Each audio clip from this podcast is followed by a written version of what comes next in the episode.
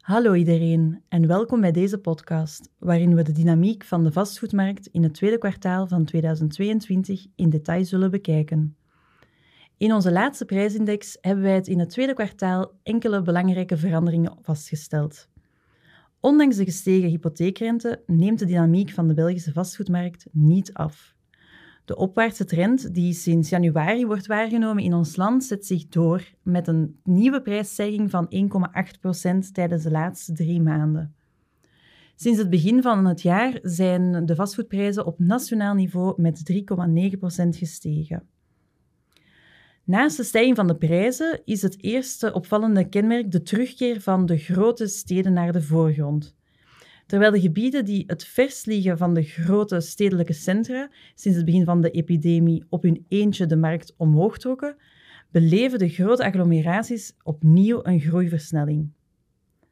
Vandaag is Brussel het meest in het oog springende voorbeeld van deze hernieuwde belangstelling van projectbeheerders voor de stad. De hoofdstad, die na de eerste lockdown zwaar te lijden had onder de nieuwe verwachtingen van potentiële kopers op het vlak van ruimte en groen, lijkt nu revanche te nemen. In zes maanden tijd zijn de prijzen er met 4,1% gestegen. En dat met 2,4% in de laatste drie maanden. Het is dan wel nog te vroeg om met het einde van de stadsvlucht te spreken over een terugkeer naar het pre-corona vastgoedtijdperk, maar we kunnen ons toch afvragen of een fase van, de, van marktevenwicht tussen de steden en het platteland is aangebroken.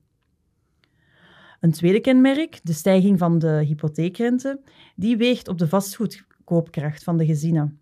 De economische bezorgdheid in combinatie met de druk die uh, de ECB uitoefent op de obligatiemarkten, drijft de bankinstellingen ertoe hun hypotheekrente snel naar boven bij te stellen. Van gemiddeld 1,5% in januari is de vaste rente voor een lening met een looptijd van 20 jaar nu opgelopen tot 2,4%, met een sterke inkrimping van de leencapaciteit van de gezinnen tot gevolg. Daardoor hebben de particuliere kredietnemers in België hun budget in zes maanden tijd met gemiddeld bijna 13.292 euro zien slinken. Samen met de verhoging van de prijs per vierkante meter in het hele land heeft deze aanscherping van de kredietvoorwaarden ook gevolgen voor de vastgoedkoopkracht van de gezinnen. Ook hier is de erosie onherroepelijk. Terwijl de potentiële kopers van vastgoed zich op 1 januari 2022 gemiddeld 79 vierkante meter konden veroorloven, kunnen zij nu nog maar hopen op 70 vierkante meter. Paradoxaal genoeg is de context nog zeer gunstig voor aankopen. Voorts zouden het verlies aan leencapaciteit van de huishoudens en de mogelijke vermindering van het aantal leningen kunnen leiden tot een daling van de marktvraag. Precies daarom is het belangrijk niet langer te aarzelen en de markt te betreden.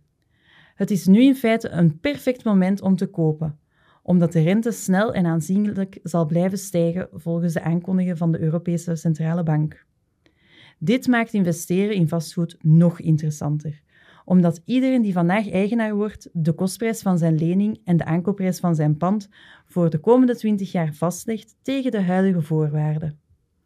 Aangezien het kopen van vastgoed een transactie op de lange termijn is, hebben de projectbeheerders er dus alle belang bij snel een marktpositie in te nemen en om te profiteren van de nog steeds lage rentevoeten, zonder een hypothetische prijsdaling af te wachten. En eigenlijk nog sneller nu de dreiging van een verscherpte toegang tot krediet opdoemt, waardoor de kredietaanvragers met de zwakste dossiers wel eens in de kou zouden kunnen blijven staan. Bedankt voor het luisteren naar deze podcast. Je vindt onze laatste prijsindex en al onze artikelen op blog.imweb.be. Tot ziens!